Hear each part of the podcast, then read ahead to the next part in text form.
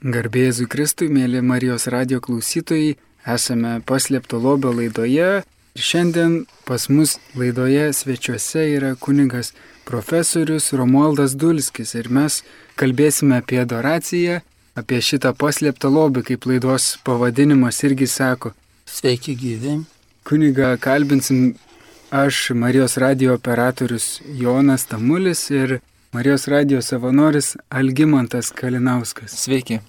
Pirmasis klausimas, kaip jūs pakviestumėte žmogų sutikęs gatvėje, kuris niekada nėra buvęs adoracijoje, į adoraciją, ką jūs jam pasakytumėte, kas tai yra? Čia turbūt priklausytų nuo kiekvieno žmogaus savitumo. Žinoma, kad verta ateiti apskritai pas Dievą, Adoracija vienas iš būdų ateiti pas Dievą, galima sakyti, į garbinimą. Ir dar pavadinčiau adoraciją tokiu ambicingumo terminu, kaip šiandien sakome, ambicingas žmogus, tokia teigiama prasme ta žodis, šiandien plačiai vartojamas. Turėti ambicijų, tai norėti ką nors pasiekti gyvenime žmogus, kuris turi ambicijų, sakytume, lyg nėra patenkintas savo būtimi, kad ir labai gerai būtų įsikūręs ir daug pasiekęs, bet vis tiek dar, būdamas ambicingas, nori dar daugiau. Žmonės, kurie adoruoja, aš pasakyčiau, kad jie turbūt turi to ambicingumo nemažą kiekį Ir būtent jų ambicijos pranoksta šios žemės dalykus, jie jau nori, jų širdys nori ko tai daug daugiau negu yra žemėje, negu randame. Adoracija arba garbinimas, tai nereiktų gal taip suprast, kad Dievas lyg nori, kad mes jį garbintume kažkaip lyg aukštesnėje būtybę, bet kad mes garbinimu džiaugtumėmės jo savybėmis, jas kontempliuotume. Tas reiškia, mes galbūt visuomet, aš pasakyčiau, kontempliuojame ką nors, apie ką nors mąstome, žinias pavyzdžiui kontempliuojame, kaip sužaidė mūsų mėgstama komanda vakar, ar ką nors kitą, ar kokį estrados populiariosios muzikos žvaigždę kontempliuojame, sakome, dieviname kartais. Tai adoracija, pasakyčiau, yra kontempliavimas daug aukštesnių dalykų, dieviškųjų, Dievo kontempliavimas. O Dievas, kaip suprantame ar tikime, galvojame, turi dorybės, savybės ypatingas tas buvimas prieš jį adoracijoje iš esmės tylus buvimas. Tylus ir išorinė prasme, nekalbant žodžių. Ir galbūt viduje taip pat, jeigu, jeigu mums išeina tų žodžių minimalizuojant, tam, kad galėtume lik save palikę būti, būti su Dievu ar būti Dieve, būti ir kas įvyksta, reiškia, ką mes kontempliuojame, tas ateina į į mūsų širdį ir protą, pereina. Mes persijimame Dievo savybėmis, lašas po lašo, ne iš karto ir pagal mūsų kiekvieno dorojančio sąmonės atvirumą, bet be abejo, kad tai tos Dievo savybės melkėsi į adoruojantį jį. Toliau, jeigu Dar galėtume sakyti, kad ta adoracija, ta valandinė ar ten kiek laiko, tegu ji būna ir reguliari, bet reiškia, ji iš jos palaimintas, jeigu kyla viso gyvenimo garbinimas.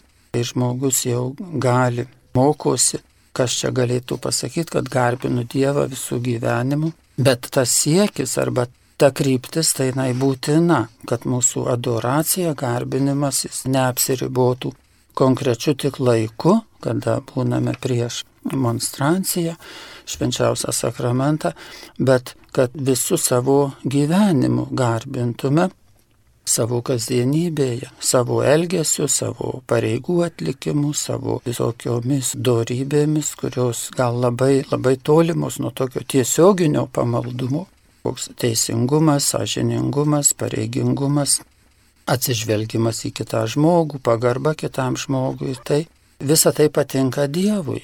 Taip kaip Dievas žiūri į žmogų, mes mokome žvelgti į žmogų, tai tas reiškia nuo to konkretaus garbinimo laiko mes pereinam, turėtume turbūt pereiti į tokį troškimą, kad garbinti Dievą visų gyvenimu. Ir tas visų gyvenimų iš tikrųjų tai, ko gero, ir yra žmogaus toks galutinis tikslas. Nes danguje mes, taip kaip tie paveikslėliai, kažin ar tai bus, kad Dievas ten kur nors yra ir visi šventieji jam gėda, džiaugiasi, tarsi tokia kaip graži bažnyčia. Iš tikrųjų tai turbūt vienintelis dalykas, tai kad mes savo pačia būtimi, apsisprendimu, sakykime, jeigu žmogus yra pozityvus, geras ar geranoriškas kitiems, tai jis garbina Dievą, nes garbina gėrį. Tie mūsų, tos mūsų pratybos, vadinamos dvasinės, mūsų specialios maldos, tai yra tik pasirengimas, pastanga, kad visas gyvenimas pasikeistų ir mes tada šiame gyvenime, ar amžinybėje mes garbintume ne, ne kokiu tai ne kokią tai vieną giesmę, bet ta giesmė būtų mūsų pati būtis, mūsų pati būtis, sakytume, ji taptų kaip, kaip himnas Dievui. Tai mes taip pat per šventasis mišes irgi susitinkam Jėzų ostijos pavydalu, lygiai taip pat kaip adoracijos metu man įsiminė toks paaiškinimas apie švenčiausio sakramento adoraciją, kad adoracija yra kaip sustabdymas to momento, kai kuningas pakelia ostiją per pakilėjimą ir sako, tai yra mano kūnas. Tai tiesiog norėtų sužinoti apie Euharistiją, kuo, kuo tai yra svarbu krikščioniui ir kaip tai susijęs su švenčiausio sakramento adoracija. Euharistija toks kaip Dievo kūnas, sakom tiesiai, bet taip pat kaip ženklas, man atrodytų labai svarbus. Ženklas to, kad Dievas, dieviškas pasaulis, Dievo mokymas ir jis pats ateina į žmonijos istoriją įsiveržia.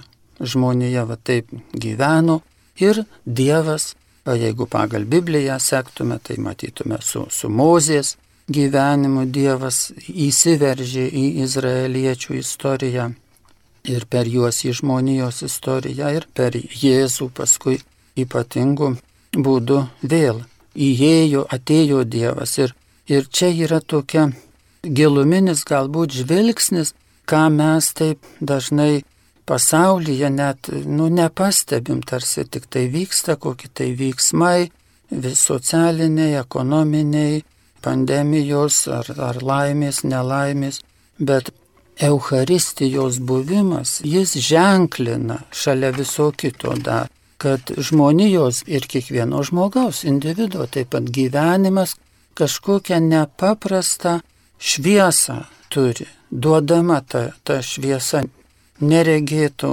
šviesumo, neregėto spindesio. Mūsų, mūsų gyvenime, taip žmogaus gyvenime ir žmonijos taip pat svarbiausias dalykas, kad šalia įvairiausių, įvairiausių mūsų reikalų yra mūsų kilstelėjimas. Dievas nori mus kilstelėti. Ir tai vyksta ta Dievo iniciatyva, kaip sakome, išganimo ekonomija, ji duoda pasiekmes, duoda rezultatus. Jeigu stebėtume visą žmonijos istoriją, matytume, matome tą pažangą, kuri, kuri yra ne tik ekonominė ar socialinė, bet ji yra ir tokia ir dvasinio gyvenimo pažanga. Ir kada šitą suvokiame, mąstydami, sakykime, kad Euharistija tai reiškia, ar kai mes ją priimam, kai mes ateiname į mišes, reiškia, kad tai, kas tai yra mūsų žmogiškame gyvenime, kas tai nepaprasto, kažkokia šviesa arba viltis arba vertybė kokia tai. Ir kai mes tą mąstume, tada natūraliai ta dovana yra aukštesnė už, už visą, ką mes turime, tai išvada tokia lyg galėtų būti, kad mūsų prioritetas. Mes paklaustume, kas yra mano prioritetas gyvenime ir mąstydami Euharistiją galėtume tada rasti, kad tas prioritetas ir yra tas Dievo buvimas tarp mūsų, kad mūsų kiekvieno gyvenime mes, aš galėčiau pasakyti, nesvarbu kokiam specialiam pašaukime gyvenu, bet kad Dievas man yra pirmas dalykas, ta Dievo šviesa, ta, tas Dievo gėris, jis yra man kaip pirmutinis, kada aš pradedu dieną, tai pirmas mano rūpestis pastebėti, atkreipti dėmesį ir įsisamoninti ir priimti tą, tą šviesą savo šiai dienai. Ir tada, kai, kai mes tą bandome ir dienos bėgyje palaikyti tą, kad ar, ar, ar, dirbu, ar dėl ko dirbu, dėl ko mano profesinė veikla kokia ji bebūtų, kad, kad ji visų pirma noriu suvokti kaip tarnystę Dievui, tai tada kinta mūsų motivacija. Mes tuos pačius dalykus sakykime, darom kaip visi žmonės, nu krikščionys, jeigu tik mūsų prioritetas yra Dievas, tai tada mūsų motivacija, mūsų širdies nuostata, mūsų proto nuostata, ji, ji kinta, ji darosi, darosi visi mūsų veiksmai kitaip motivuoti. Ir kai kitaip motivuoti, tai jų ir, ir kita, kita kokybė randasi. Mes siekiame iš tikrųjų ne savo kokios naudos, bet e, siekiame viską, ką darome, kad padarytume kokybiškiau negu, negu lygi šiol. Ir paskutinis dalykas, ką Euharistija galėtų mums priminti, tai kad, nu aišku, Jėzų, bet Jėzų kokį? Jėzus atėjo kaip ugdytojas. Jis priėmė tą žydų to meto religinį mentalitetą, ką žydai, kaip Jėzus sako, nieko neišbraukiu, nei, nei vienos raidelės iš įstatymo, bet viską jis tobulina ir atnaujina. Tai jis kaip ugdytojas atėjo į žydų tautą ir Euharistija galėtų būti šiandieną daug stipriau ar net iš esmės suvokta, kaip, reiškia, dėl ko einame priimti komuniją Tai dabar yra toks, ar tau Dievas jau tu išpažinties buvai ne, ar, ar nebuvai. Ir kartais tose išpažintyse ten Dievas žino, ar ten yra koks pasiryžimas, ar ir nėra jo. Ir, ir visam tam gyvenime komunikuojančių žmonių, ar yra koks nors pasiryžimas, kiek tas pasiryžimas yra stiprus, gyvenimiškas. Gyventi tokiam, reiškia, ir pasiryžimas tarsi jis į tam tikrą lygmenį kažkokį konkretų, kad tu, reiškia, laikykis dešimties Dievo įsakymų ar ko nors, tobulesnių kokių dalykų, ką tu galvoji. Ir, ir viskas, jeigu laikaisi, tada galėjai komunijos, jeigu nesilaikai, tada ten eik išpažinti, pasakysi ir tada galėsi eiti komunijos. Tai toks, tas ugdymo aspektas labai kartais sumenksta iš tikrųjų ir žmogus kaip toks, kaip fenomenas, jis, jam nelengva būti tokiam lygmenį ar anokiam lygmenį, tokiam kokiam jis turėtų būti. Tai Euharistiją galėtume labiau traktuoti, kad jeigu Jėzus gyvas, būdamas žemėje, norėjo ugdyti žmonės. Ir jis ateidavo ir pas nusidėjėlius, kaip jam priekaištaudavo, atsisėsdavo prie stalo, valgydavo su jais, bendraudavo, bet jis juos ugdė, daugiau nenusidėk, reiškia, tu jau auk. Tai ir su komunijos prieimimu galėtume labai suintensyvinti tą ryštą, kad noriu būti geresnis. Jeigu tu suvoki, koks esi, bet sakai, nu, iš tikrųjų, Aš noriu būti geresnis, aš noriu įvykdyti, ką Dievas moko, ką sako, į kur veda. Ir jeigu tas noras tikrai yra tikras, realus, tai tada tikrai Euharistija yra toks tarsi sakytum esminis dalykas, toks prieėmėjas, kuris nori tobulėti, tai jis, jis sakytume, nu tam tikrą prasme jis yra tikrai vertas priimti Jėzų dėl to, kad tas noras tobulėti jau, jau jį veda, jeigu jis taip laikysis visą gyvenimą, jis pasieks šventumą didesnį ar mažesnį. Taip, ačiū Jums labai, labai buvo įdomu pasiklausyti. Ir dar norėčiau paklausyti, ypatingai pandemijos metu ir ligoniai, bet pandemijos metu ne tik ligoniai, daugelis žmonių girdėjome per transliacijas šventų mišių, per televiziją, per internetą. Ir ten buvo sakoma, kad jūs galite priimti dvasinę komuniją. Ir pavyzdžiui, daugeliu draugų kilo toks klausimas, kas toji dvasinė komunija, kaip galima buvo išgirsti, kad pavyzdžiui, kad tai troškimas sužadint norą priimti Jėzų į savo širdį, bet kai kurie draugai dalinosi, kad sako, aš vis tiek nesuprantu, sako, nežinau, ar tai tikra, ar tai netikra, ar tai, ar dvasinė komunija yra lygiai taip pat svarbi, kaip ir per tiesiog įprastai dalyvaujant šventas mišes. Gal galėtumėt pakomentuoti? Ačiū už tokį klausimą. Kartais man atrodo, kad šita pandemija yra tokia Dievo dovana vien dėl to, kad ji leido dar kartą bažnyčios autoritetams prabilti į visą visuomenę apie dvasinę komuniją ir jos, jos vertę, jos reikšmę. Ir, ir man atrodo, čia labai gerai, kad žmonės sako, o aš žinau arba aš nežinau, kaip dabar, kaip ta dvasinė komunija, arba ten vieną kartą priimu, o gal galima ten dešimt kartų priimti per dieną ir panašiai. Ir to, tie klausimai iš vis atveda mus prie pačios minties, kad vienytis su Dievu žmogui krikščionybėje labai ryškia išreikšta mintis apie mūsų gyvenimo suvienijimą su Dievu, kuri, kaip sakant, einant sakramentinės komunijos dažnai gali taip praslysti, dėl to, kad tarsi tikslas priimti sakramentinę komuniją per mišes ir priėmė ten, nuoširdžiai padėkojai Dievui, nu ir vad atlikta. O dvasinė komunija ji kalbina apie viso mūsų gyvenimo suvienijimą su Dievu.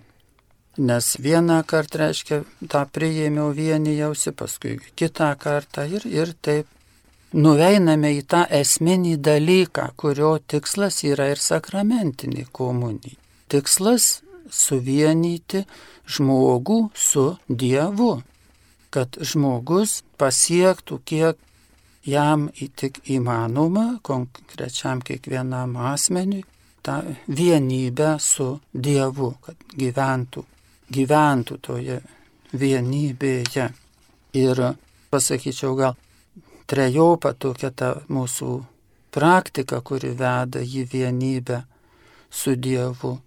Tai ji, aišku, as, kada asmeninė malda, kada pasiskiriame laiką nu, maldai arba gilinimui į šventuosius raštus, kokius nors tekstus šventus dvasinius, ar medituojame, ar Dievą, ar dieviškus dalykus, tai, tai asmeninė praktika, kuri mus artina prie Dievo arba vienyje. Bendruomeninė praktika, kada mes ar dalyvaujame mišiuose, ar kad ir nuotoliniu būdu, ar, ar skaitome, sakykime, literatūrą irgi vėl knygas, nesusitinkame tuos konkrečius autorius, pavyzdžiui, kurie tas knygas parašė, tuos žmonės, dažnai knygos yra iš, iš gyvenimiškos patirties, kartais asmeninės, kartais susistemintos patirties. Tai tas bendruomeninis aspektas, kad mes ne vieni esame, bet mes turime žmonių, kurie ieškojo Dievą prieš mus ir kurie šiandien ieško Dievą, gal kur kažkur labai toli, kituose kraštuose, Amerikoje ar Azijoje, bet mes per jų tekstus, ar net internete, galim su jais tarsi pasišnekėti, išgirsti juos. Bet trečioji praktika, kuri gal netaip pabrėžiama ar iš viso aptariama, tai yra nuolatinė mūsų tokia nuolatinė praktika, mūsų širdies ar proto nuostata. Reiškia, kad mes kiekvieną akimirką galėtume būti su Dievu, vienytis Ir aišku, tai nėra kalba, kad kalbėti kokias maldas, bet dirbti savo darbą, ar kalbėti, bendrauti su žmonėm, ar atlikti pareigas kokias. Bet visuomet mūsų visa asmenybė kažkuo yra ar susivienijusi, ar ko nors pripildyta. Ir tai dvasiniai autoriai vadina va ta tokia vidinė malda, kad viduje mes per visą dieną stengiamės palaikyti tokį susivienijimą savo valios aktu arba savo tokiu pasiryžimu, kad mes neklajotume tokiuose kažkokiuose tai pasaulyje žiūrose, tokiuose, kur atitolia nuo prasmės, nuo geranoriškumo, bet savo dėmesingumu vidiniu, kuris netrukdo darbams, bet kaip tik jiems padeda, galėtume būti viduje, širdį, proto gelmiai, susivienyje, palaikyti tą vienybę. Ir tos praktikos jos veda į veda, nes kas galėtų pasakyti, kad susivienyje su Dievu veda į tą vienybę. Ir kita vertus, tas vienijimas, jis toks, aišku, kad turi peržengti specifiškai religinės sritis, tai vienytis vėl su Dievo savybėmis, galėtume sakyti. Reiškia, jeigu prisimenam Dievą, kaip dvasiniai autoriai sako, reiškia, prisiminkim jį kokį nors, ne, ne tokią abstrakciją, o kad aš taip, o Dievą atsimenu, bet be galo geranorišką Dievą. Ir tada tu pats pagalvoji, kad tai ir tu, tu tada jau lyg nori būti geranoriškas su žmonėmis. Jeigu pagalvoji, kad Dievas vėl kažkoks tai yra išmintingas, tai irgi nenori kaip nors kvailai kalbėti ar, ar ką nors. Ir tai prisiminti Dievo kokias nors didžią dvasiškumą. Pavyzdžiui, kad Dievas be galo didžią dvasiškas, jis toks nesmulkmeniškas. Ir aš tada toksai tą prisiminęs natūraliai atrodo jau galiu numot ranką į kokius tai reiškia smulkės gal ten, kas užgavo, žodį pasakė ir nekreipti tiesiog dėmesį, bet galvoti, tai Dievo saulė šviečia visiems ir aš noriu būti kaip ta saulė. Ir tas vat, vienijimasis toks kartu yra su Dievu, reiškia, tai jis apima ir tokį solidarumą su žmonėmis. Nebūti, reiškia, priešiško ir neieškoti žmonėse žmonėse ko tai tokio negatyvaus. Čia problemiškas dalykas, kai yra socialinės problemos, klausimai ir pareigos, tai turim teisę reikalauti visokio skaidrumo ir aiškumo socialiniuose reikaluose, tai tas, tas vėl čia yra labai, labai teisinga nuostata, nes, kaip sakant, Dievas viską mato, tai mes norime viską šiandienė visuomenė tiek įsivyščiusi, kad irgi sako, tai prašau, dėkit ant stalo, ką jūs ten darot, ką jūs sprendžiat, ką planuojat, su kuo tarėtės, viską prašom paviešinti. Tai čia iš dieviškos savybės, iš dievo pažinimo tokio ateina tas į visuomenę, tas noras, kad viskas būtų skaidru, aišku, ne, nebūtų kokių sukčiavimų. O reiškia ir mūsų vienijimas su Dievu, kad jis toks nenuveitų į tokią specifinę religinę sferą, kad aš vat pasivieniju su Dievu kur nors užsidaręs, o paskui socialinis gyvenimas jau, ai, kaip išeina, taip išeina. Arba profesinė veikla, jau tarsi kitos taisyklės ten galioja. Tai va ir savo profesinėje veikloje dirbant, mes trečdalį gyvenimo gal pratriusiam, prasidarbuojam. Tas irgi turi būti mūsų siekinys, kad tai būtų irgi ta dvasinis vienijimas, jis lyg dvasinė komunija su Dievu irgi apimtų ir mūsų profesinę veiklą. Dar norėtųsi paliesti vieną temą, kiek mums žinoma, jūs domitės irgi rytų filosofija, budizmu ir kiek man yra žinoma, žymus bažnyčios asmo Tomas Mertonas, jisai savo maldoje naudodavo dzen budizmo praktikas, kiek, kiek žinau, ir, ir dėl to jo asmenį bažnyčiai yra šiek tiek e, žvelgiama kreivai, nors jo raštai iš tikrųjų yra didžiulis, didžiulis turtas ir palikimas daugybė žmonių, tai norėtųsi klausti, kuo ta adoracijos malda galbūt yra panaši, ar į budizmo tą sieki patirti tuštumą, arba galbūt hinduizmo meditacijas arba kaip tik kuo tai yra visiškai skirtinga, nes atrodo principas tas pats - tyla, buvimas susikaupus, kuo tai skiriasi. Taip, yra įvairių požiūrių į krikščionybėje ir tarp bažnyčios atstovų, autoritetų, viskupų. Vieni vienaip, kiti kitaip traktuoja. Bet Vatikano susirinkimo dokumentai iš esmės geranoriškai atsigręžia ir Jonas į nekrikščioniškas religijas geranoriškai. Jonas Paulius II yra įvardinęs, kad Azijos kultūros yra didžios kultūros. Jis pavadino Azijos kultūras didžiomis kultūromis.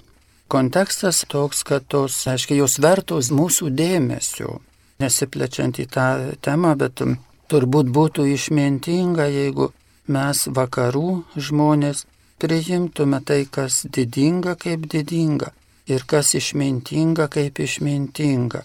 Toks izoliuotis arba, arba neikti. Izoliuotis, kad ai tai čia nekreipkim visiškai dėmesio. Arba paneikim viską. Nieko nėra. Viską mes turime.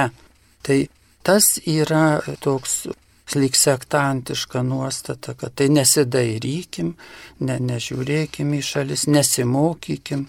Gyvenimas mums reiškia iš tikrųjų rodo tuos dalykus. Tai sakyčiau, kad išmintingiausia būtų atvirai priimti ir atskirti. Šiandieną žmonių įsilavinimo lygis kyla ir žmonės suvokia, kas vertinga, kas nevertinga, kas, sakysim, pataikauja mūsų tokiems įnoriams ir kas nepataikauja, bet kas mums gali būti pagalba, ugdant savo kokybišką gyvenimą, visą vertę asmenybę. Ir kartais reiškia tas, ko siekia, pavyzdžiui, budistai. Klausiama ir diskutuojama ir, ir kartais katalikai ir krikščionys visokių paradoksalių dalykų prikalba apie ko siekia budistai. Turbūt, jeigu mes krikščionys klaustume, ko mes siekiame, tai labai įvairių atsakymų tarp, tarp saviškių susilauktume, ką tai reiškia būti krikščionimi ir ko tu sieki būdamas krikščionimi, koks tavo tikslas. Tai yra tokia budistinė istorija apie mokytoją ir jauną vienuolį. Jaunas vienuolis klausia to patyrusio mokytojo, koks budizmo tikslas. O patyręs mokytojas sako, būti geram. Jaunasis vienuolis nustebęs perklausė, būti geram ir viskas.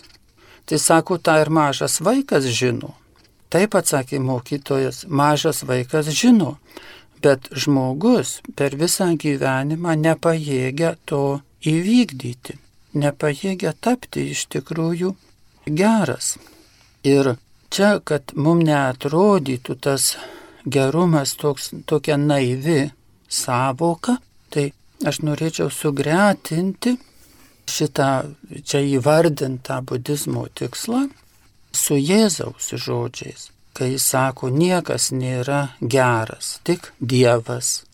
Nors mes sąlygiškai galim pasakyti, kad nu, daugybė žmonių yra geri, arba kad visi žmonės yra kiek nors geri, jie turi gerumą, bet absoliučiai geras yra tik tai vienas Dievas. Ir čia turbūt reiktų pasakyti, ta gerumo savoka Jėzaus kalboje Jėzaus terminologijoje ji turi ypatingą tokį svorį.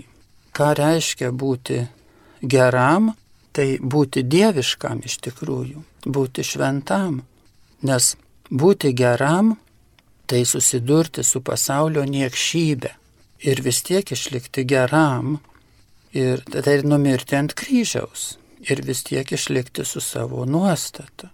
Tai būti geram Tai reiškia nugalėti visas kovas gyvenime, visas savo įdas nugalėti. Leisti joms iškilti, kurių net nepastebime, mažiausioms, kaip jos konfrontuoja su mūsų gerumu ir jas įveikti. Ir tada jau galėsi pasakyti, kad šiek tiek priartėjai prie to visaverčio gerumo. Tai ko gero tiesa, neseniai kažką tai skaičiau, interpretacija apie kompetitingą, apie budizmą e, katalikų kažkokio žinovo, kuris sako, kad daugybė dalykų budizme yra vėlesnės kilmės, net ir nirvana, kur mes tiek daug teko apologetiniai literatūroje skaityti, kad, ai, tai reiškia, budistai siekia kokios tai nirvanos, o mes tai dangaus siekiame, štai kur skirtumas. Tai per antrą Vatikano susirinkimą japonų katalikai viskupai pasakė, kad nirvana yra labai pozityvus tikslas. Ten nėra išnykimas, bet, bet tai yra koks tai gyvastingumo pilnatvė pagal budistinę interpretaciją. Tai, tai reiškia, pažodžiui tik tai tas užgesimas, bet užgesimas aistrų ar visokio blogio, o atgimimas tokiam gėriui. Galėtume taip, taip suprasti ir, ir tai būtų teisinga pagal, pagal japonų katalikų viskupų tą žinojimą, kurie, kurie susiduria su, su budistiniu pasauliu. Bet dar yra kitas, kad, kad daug dalykų budizme yra tame tarpe ir nirvana, ir, ir visokie kiti tokie, kuriuos priskirtume labiau prie dogmatinių dalykų, kad jie yra vėlesnės kilmės. O manoma, kad pačios ištakos, pati pradžia, tai tiesiog buvo tai, kas, ką mes sunkiai galėtume pavadinti, kad tai yra religija, kad tai tiesiog yra toks gyvenimo kelias, gyvenimo būdas ir jis mokė išvengti įvairiausių iliuzijų, atrasti, ką tai tokio tikro, tikrą gyvenimą atrasti. Ir todėl, ko gero, kad daug dalykų, yra šioje, sakykime, tradicijoje. Galėtume iš tikrųjų su pagrindu nevadinti tų, tų Azijos mokymų religijomis, bet tiesiog mokymais, mokymais, išminties tradicijomis.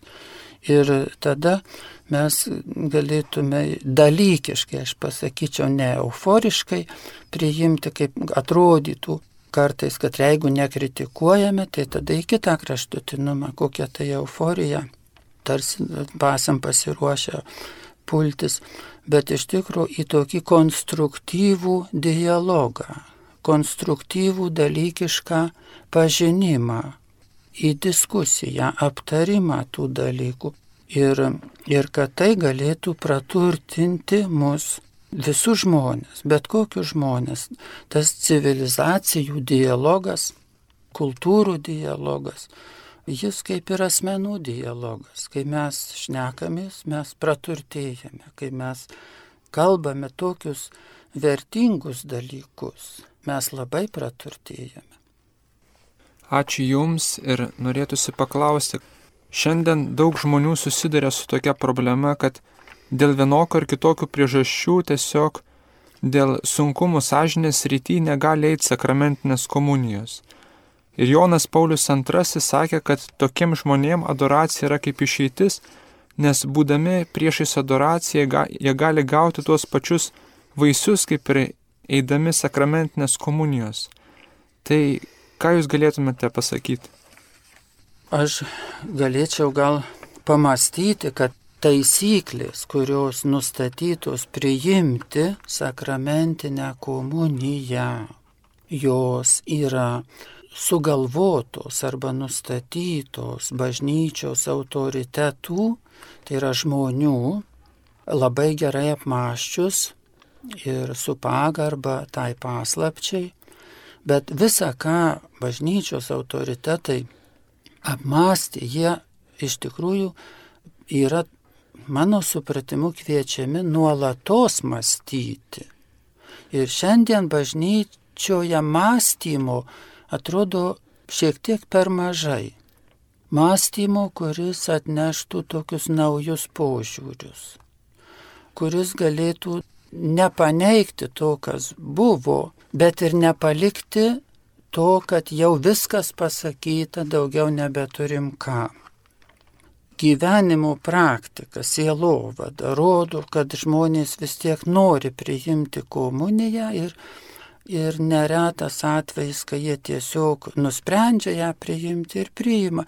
Kaip sakytume, pagal bažnytinės taisyklės netitikdami tas nuostatas.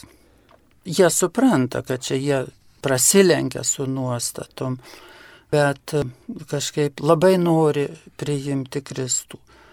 Ir tai galbūt, sakyčiau, kad šita problema tik gilės dėl to, kad skirybų daugėja ir, ir panašus dalykai. Žmogaus gyvenimas pilnas problemų ir mes negalim bažnyčia ar kas sugalvot, kad žinai, va šitie dešiniai sustokite, kurie teisingai gyvenate, o kairiai, kurie neteisingai gyvenate. Nes giliausia prasme mes visi esame kiek nors neteisingi, tik tai daugiau ar mažiau. Taip kaip nesam šventi, tai nesam ir teisingi iki galo. Visi turim trūkumus. Bet esminis dalykas, sakyčiau, nesuskirstyti į tas dvi kategorijas žmonės. Reiškia, nes kitas žmogus gimsta. Yra žmonių, kurie gimsta nusikaltėlių šeimose, kurių tėvai gimė iš savo tėvų asocialių, po to vaikus, tiesiog tie vaikai problemiški, juos net specialiai kažkaip juos auklėti reikia, ne, nes jie nepasiduoda tokiam auklėjimui, kuris egzistuoja tose vadinamuose tokiuose pareigingose šeimose.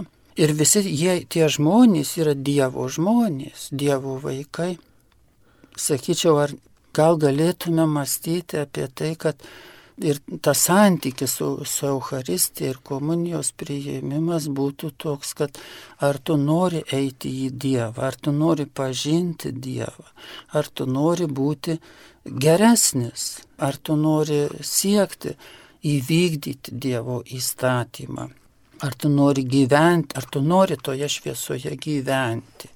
Ir tas vat noras pažangos būtų atskaitos taškas. Jeigu nenori pažangos, net ir būdamas saliginai toks geras, tai kam tau ta komunija tada? Norėk, nes iki Dievo tobulumo tu tokiam pat šviesmečiais nutolęs esi kaip ir tas, tas į kurį galbūt žiūri kaip ne, nevykusi etiškai gyvenime. Tai reiškia, Galbūt tas skirtumas, kas galėtų eiti komunijos ir kas negalėtų, galėtų būti šitas - skatinantis norėti pažangos. Kadangi pats tarsi netai būtų arčiau Jėzaus, nes Jėzus lyg ir neskirsti žmonių, kurie ten teisingi ir kurie neteisingi, bet visus kvieti, ateikite į Dievo karalystę, ateikite. Ir Jėzus eidavo eidavo, susitikdavo su jais. Tai dabar mums atrodo, kad Euharistija yra kažkaip daugiau negu Jėzus. Nes Jėzus galėjo ateiti su nusidėjėliais, būtų Euharistija jau negali ateiti pas nusidėjėlius. Tai čia reikia mąstymo, kuris ir kita tokio galbūt visai kito požiūrio, kuris nenuvertintų Euharistijos ir nenuvertintų žmogaus, bet gal tą vertingumą kaip tik kitą galėtų tokį, tokį duoti. Ačiū labai už labai daug įdomių išvalgų apie švenčiausio sakramento adoraciją. Mes čia su Algiu buvom prisirašę didelį lapą klausimų, bet visų tikrai nespėsim, bet pabaigai norėtųsi paklausti, galbūt jūs turit kokią nors giesmę, kuri jūs labai priartina prie Dievo arba galbūt kurios klausote adoracijos metu. Man patinka dvi giesmės, aš pasakyčiau, tai viena tokia religinė, tai tau lenkiuos, o Dieve mums neregimas. Tomo Akviniečio, mano mėgiamų ir ypatingos asmenybės, kurie atnešė naujumą tuo metu, kai gyveno, buvo nepaprastas inovatorius Tomas Akviniečio. O kita kaip giesmė, tai galėtų būti tokia šio laikinė dainininkė, kuri jos pavardė Summers, kaip vasara ir ji dainuoja Never be enough, niekad negana. Ačiū, tai su mumis buvo kunigas profesorius Romualdas Dulskis, įkalbinom. Aš Algymantas. Ir aš Jonas. Likime maldos vienybėje. Su Dievu.